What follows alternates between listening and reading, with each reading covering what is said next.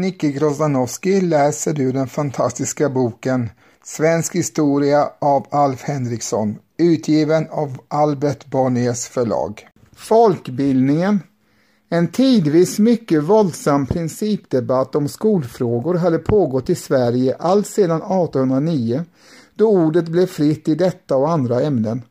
I den deltog eliten av landets författare och vetenskapsmän och inläggen hör till de mest tankeväckande dokument en sentida läsare kan begrunda.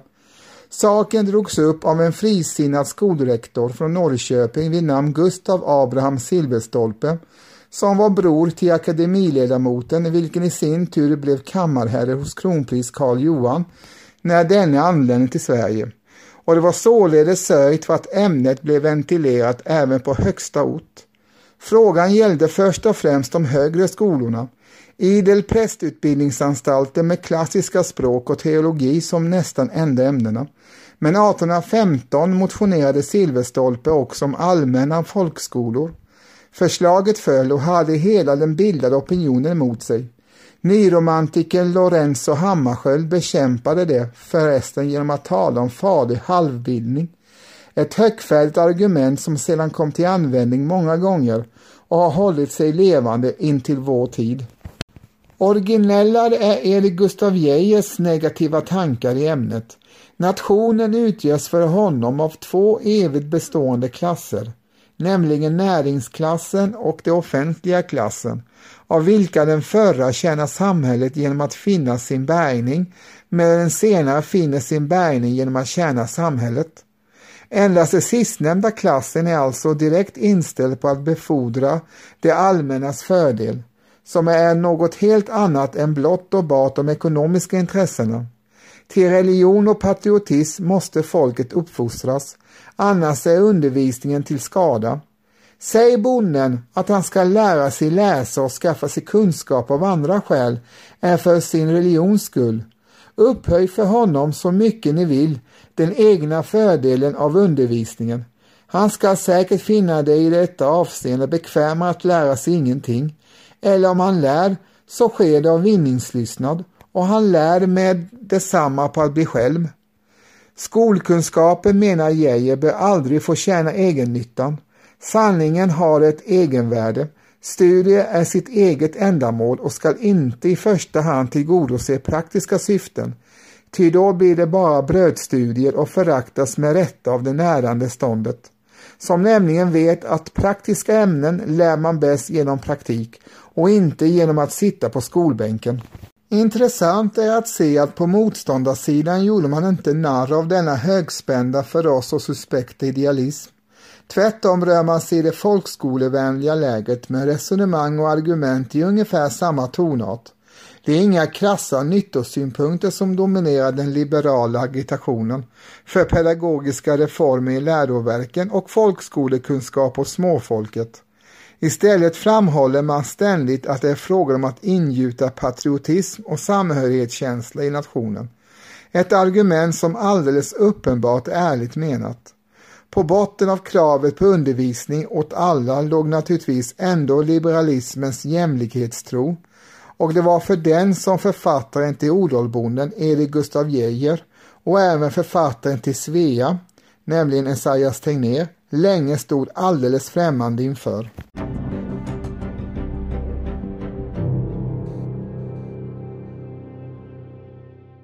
Geijer var aktiv politiker emellanåt och deltog som ledamot av prästeståndet i 1828 till 1830 års riksdag, där han opponerade sig mot alla nymodigheter, inklusive storskiftet och kvinnans lika arvsrätt. Vid samma tid satt han emellertid också med i en kunglig undervisningskommitté vars arbete resulterade i att en reallinje infördes vid läroverken i sinom tid. Kommittéledamöter som Berzelius, Tegnér och Agard stod bakom dess betänkande, som fick den omedelbara följden att nya elementarskolan inrättades i Stockholm på prov med Carl Jonas Love Almqvist som rektor och även som flitig författare av läroböcker.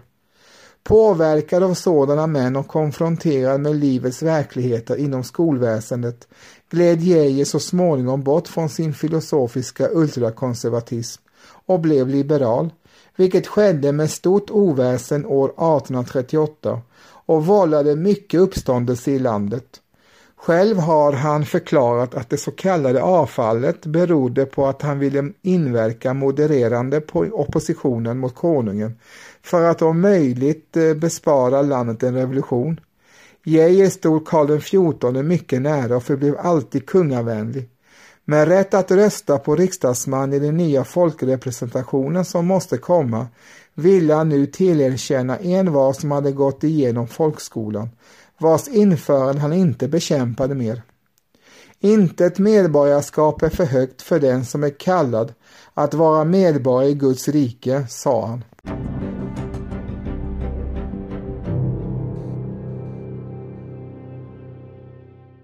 Helt andra åsikter om rösträtt företräder en annan berömd historieskrivare med intresse för skolfrågor, den konservative men inte alls royalistiske Anders Fryxell.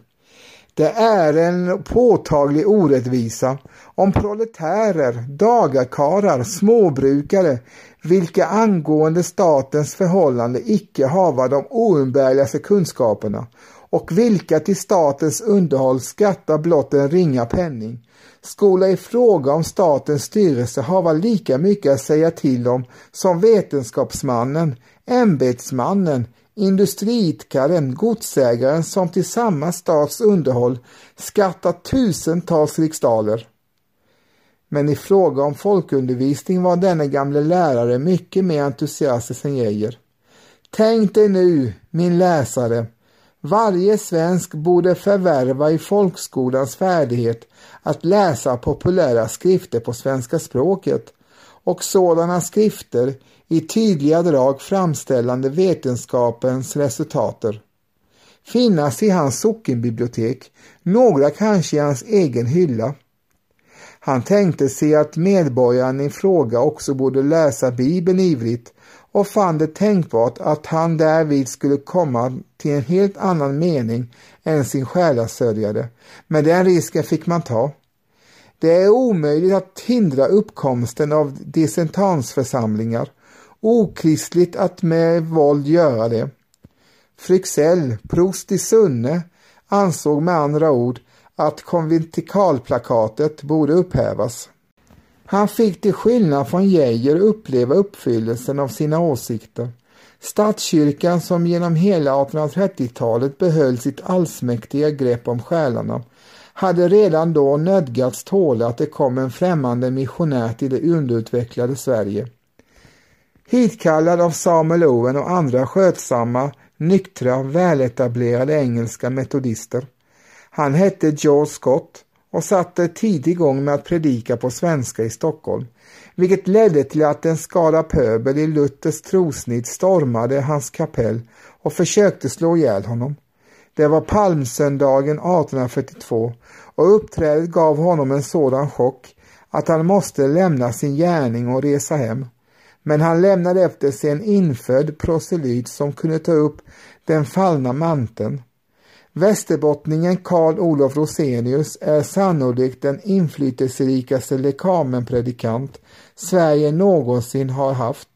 Han satte nämligen icke blott igång den första folkliga väckelserörelsen av någon omfattning, utan han grundade även Evangelistiska Fosterlandsstiftelsen, vars förlagsverksamhet länge var den ojämförligt största i landet. Därifrån spreds fromma skrifter i betydliga mängder genom energiska kolportörer till ett läskunnigt, läshungrigt och lektyrlöst folk.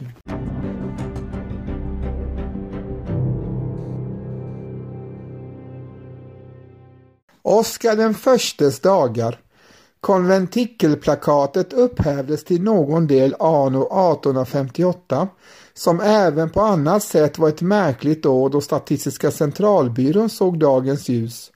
Byråkratin fick sig en lönereglering som avskaffade sportläna och staten beslöt att bygga ett järnvägsnät i egen regi. En junikväll det året kallades den nyutnämnde justitiestatsministern Louis de Geer hals över huvud till Drottningholm för att vara vittne vid hertiginnan av Östergötlands första förlossning. Jag kom i god tid, berättar denna i sina välskrivna minnen. och fick nu för första gången fullgöra det pinsamma åliggandet att deltaga i ett stort galaklätt sällskap under det att man från rummet bredvid genom den öppna dörren hörde en moders jämmerop. Allt gick dock lyckligt till och den blivande konungen inbars och visades för sällskapet. Omedelbart därefter visade mig enkeldrottning Desirée en utmärkelse i det att hon gick till mig tvärs över golvet och sade Vous êtes le la première comme félicité. Du är den första som gratulerar mig, betyder det. Efter en liten stund inbars också konung Oskar i rummet på en bår. Han sades icke på ett par veckor hava talat ett enda litet ord, men nu sade han det är ju roligt att det hela nu är över. Detta bevisade att han ägde mera medvetande än man trott.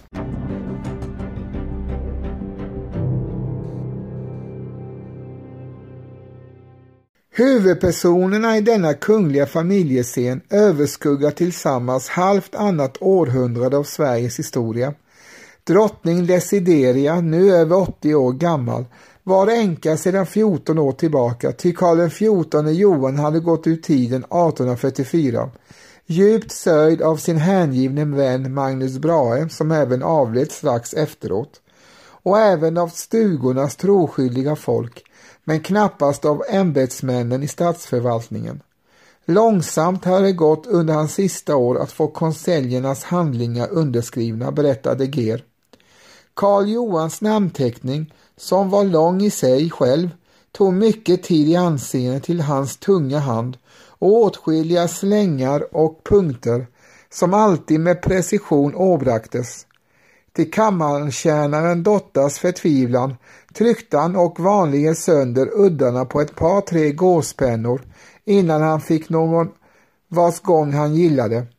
De ofantliga uppstaplade högarna av franska föredragningslistor intygade emellertid oifaktigt att Sverige många år verkligen styrdes på franska.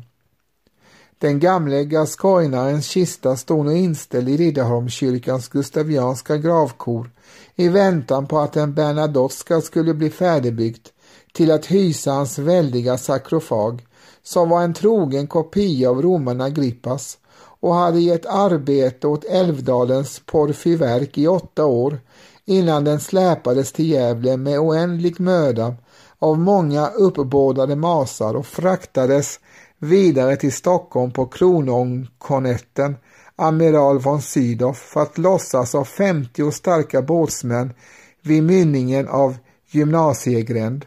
Hans son och efterträdare Oskar, som hade beställt och mottagit sakrofagen, var själv döende nu och den enkla repliken efter hertiginnan av Östergötlands förlossning var kan hända hans sista ord. Hertiginnan i fråga hette Sofia och hennes nyfödde son som förevisades för det festklädda sällskapet på Drottningholm var den blivande Gustav V. Barnafadern som bar namnet Oskar efter sin far var den tredje ordningen av den döende kungens söner, men var dock designerad till tronföljare i sinom tid, ty hans bror Karl hade inga legitima småprinsar och hans musikaliske bror Gustav hade gått bort i förtid vid 25 års ålder, endast efterlämnade ett antal slitstarka manskvartetter. Det späda barnets födelse i juni 1858 var alltså en dynastisk händelse av icke ringa vikt.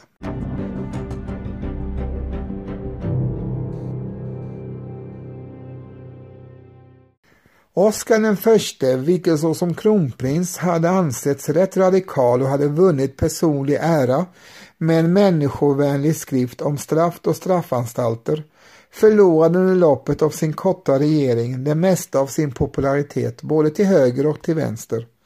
Men han inledde den med en magnifik gest. Nyheten om hans tronbestigning gav anledning till en protest från den redbare och hygglige prins Gustav av Vasa Gustav IV Adolfs landsflyktige son som bodde i Österrike och nu stillsamt lät meddela att han för sig och sin familj ingalunda hade avstått från sina rättigheter till svenska kronan. Oskar den förste svarade med att omedelbart upphäva 1812 års förbud för svenska medborgare att ha någon som helst kontakt med den avsatta kungafamiljen, vilket renderade honom stort bifall både ute och hemma. Hans politiska gärningar i det följande gällde långt besvärligare frågor och framstod alltså aldrig som lika nobla. Men stora ting med eller mot hans vilja uträttades dock verkligen i hans dagar. Vid hans första riksdag år 1845 genomfördes sålunda den lika arvsrätten för man och kvinna, vilket i viss mån var hans personliga förtjänst. Och i detta hans yttersta år 1858 fann ständerna tiden mogen att besluta att ogift kvinna, om hon så önskade, kunde bli förklarad myndig efter fyllda 25 år. Den fäderneärvda lagen från Birger Jarls avlägsna dagar på 1200-talet hade dittills placerat inte bara hustrurna utan även mö av vad ålder hon än må vara under förmyndare vilket innebar att alla kvinnor utom änkorna saknade rätt både att disponera över sina ägodelar och att ingå äktenskap efter fritt val. Något uttalat missnöje med denna tingens ordning hade knappast blivit försport förrän vid slutet av 1830-talet då befolkningsutvecklingen i landet hade skapat nästan olidliga förhållanden både ekonomiskt och socialt.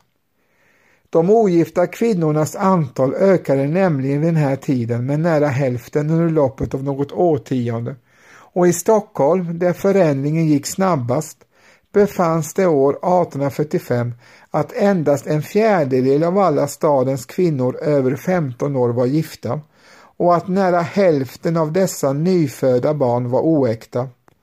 Allt detta, säger Gunnar Kvist som har skrivit en grundläggande avhandling i ämnet, ledde till att försörjningsfrågan blev den stora kvinnofrågan, uppmärksammad i alla läger. Skråtvånget gällde då ännu. På arbetsmarknaden rådde naturligtvis fullständig kvinnodiskriminering och det manliga monopolet gällde inte bara det offentliga tjänst utan nära nog alla yrken. Kvinnor som ville driva handel med kläder som de sytt eller bröd som de har bakat nödgades gå till kungs för att få tillstånd, vilket beviljades endast om de kunde styrka att de saknade andra utvägar till sin försörjning. Krav på näringsfrihet framfördes ideligen vid riksdagarna och stötte på patrull framförallt i borgarståndet, vars liberalism i detta slags frågor hade sina gränser.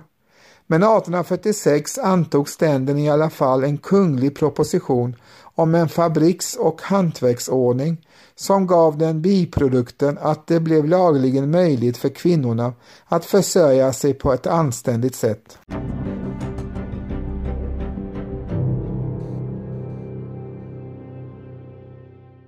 En fattigvårdsförordning som var Sveriges första utfärdades året därpå och 1847 års eh, höstriksdag möttes av kungen och regeringen med en hel rad nya propositioner och förslag.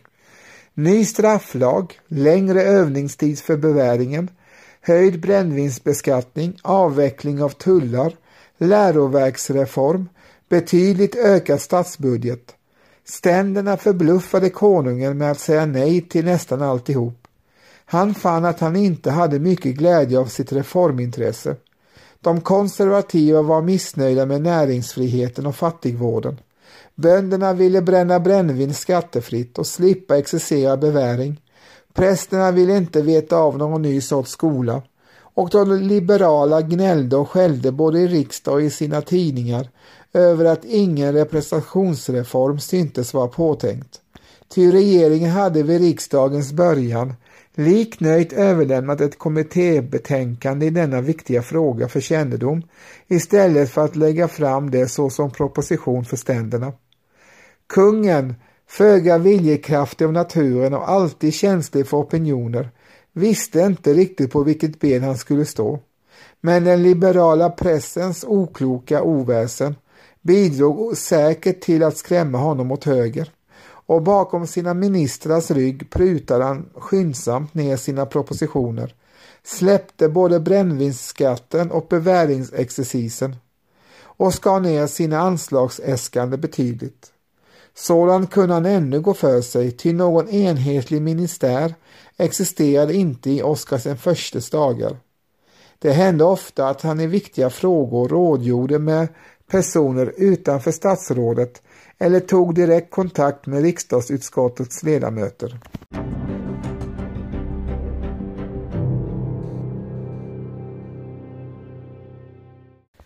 1847 års riksdag hölls samlad ännu under 1848 och i partiernas strider segrade mestadels de konservativa. Men en av de första dagarna i mars kom det underrättelser om den franska februarirevolutionen.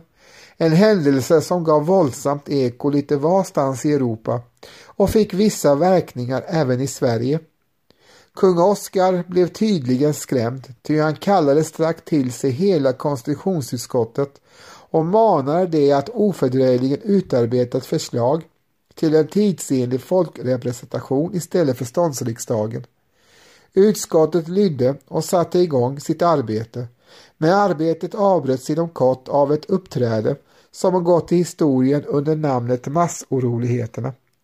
En lördagkväll samlades en folkskock på Brunkebergs torg, marscherade till Storkyrkobrinken och kastade sten mot den konservative och föga populära riddarhuspolitikern August von Hartmannsdorfs fönsterrutor.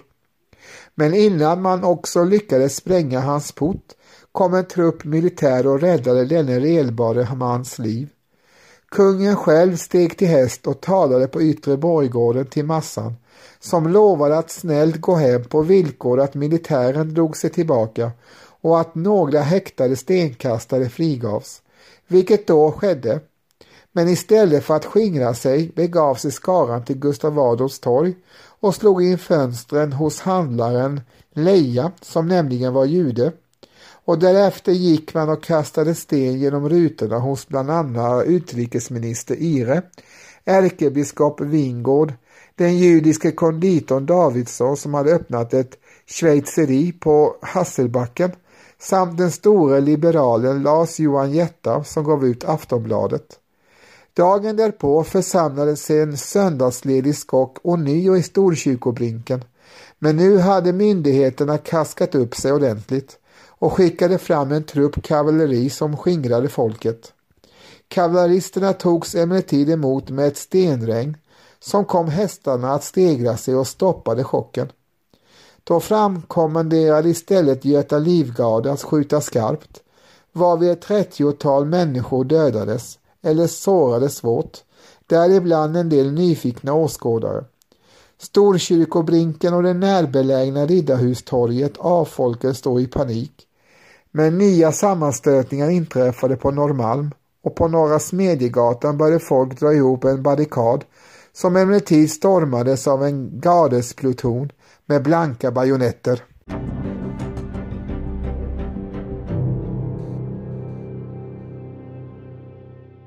Massoroligheterna i Stockholm sattes nog igång av radikala politiska element som krävde liberala reformer och rent av ville införa republik. Men många av stenkastarna var gesäller och arbetare som tvärtom demonstrerade mot konkurrens näringsfrihet och frihandel och naturligtvis nog deltog också en hel del legister som gärna slog in fönster utan att fråga varför eller hos vem. Uppträdena fick betydelse i alla fall, ty kungen tog intryck av det frihandelsfientliga inslaget och slog omedelbart till reträtt i tullfrågan och i nästa månad bytte han ut praktiskt taget alla sina statsråd mot nya män av vilka ett par tre ansågs luta åt den liberala sidan. Den första uppgift för dessa herrar blev att lägga fram en kungligt representationsförslag som var jämförelsevis radikalt eftersom det var tillkommet i skuggan av februarirevolutionen. Det antogs verkligen av ständerna såsom vilande till nästa riksdag som ägde rum två år senare men där underkändes det av både höger och vänster med väldiga majoriteter i tre stånd. Endast borgarna fann det gott. Revolutionsstämningen var nu borta och utgången bestämdes av rena klassintressen, inte minst i bondeståndet, där man tyckte att förslaget otillbehörligt gynnade både ämbetsmän och backstugesittare. Kungen själv lär ha varit glad åt utgången. Dock finns det en anekdot enligt vilken han bittert skall ha sagt att nu kunde ingen mänsklig makt förmå honom att komma med ett nytt förslag i denna fråga, om han så levde i hundra år. Han höll verkligen ord, men några hundra år till levde han inte. Redan i början av Oscar den förstes regering hände det ibland att han kunde tvärtystna mitt i ett samtal och frånvarande stirra i väggen en stund, varefter han tog upp tråden som om ingenting hade hänt. Under 1850-talet framträdde sådana sjukdomssymptom allt oftare och en gång måste han ta ledigt under något halvår men i stort sett skötte han sin regering med full kunglig myndighet ända till 1857 då kronprins Karl fick bli regent i hans ställe. Det var frågan om hjärntumör och fallet var naturligtvis hopplöst. Alla memoarförfattare som berört ämnet är fulla av medkänsla med konungen och drottning Josefin som ständigt stod eländet nära och tydligen inte alltid orkade bemantla sin plåga och förtvivlan under de långa år med vilka konungen överlevde sin sonsons solena entré i livet inför det festklädda sällskapet på Drottningholm. Ni har precis hört mig, Nicke Grozanowski, läsa ett stycke ur den fantastiska boken Svensk historia som är skriven av Alf Henriksson och utgiven av Albert Bonniers förlag. Signaturmelodin ni hörde i början är ju den berömda Fjäril vingar syns på Haga, även känd som Fredmans sång nummer 64, som är gjord av Carl Michael Bellman. Och som avslutning får ni höra Par Deus med gruppen Gotthard. Podden utkommer två gånger i veckan, lördagar och onsdagar, med bonusavsnitt lite då och då, så håll utkik. Tack för att ni lyssnade. På återhörande. Hej!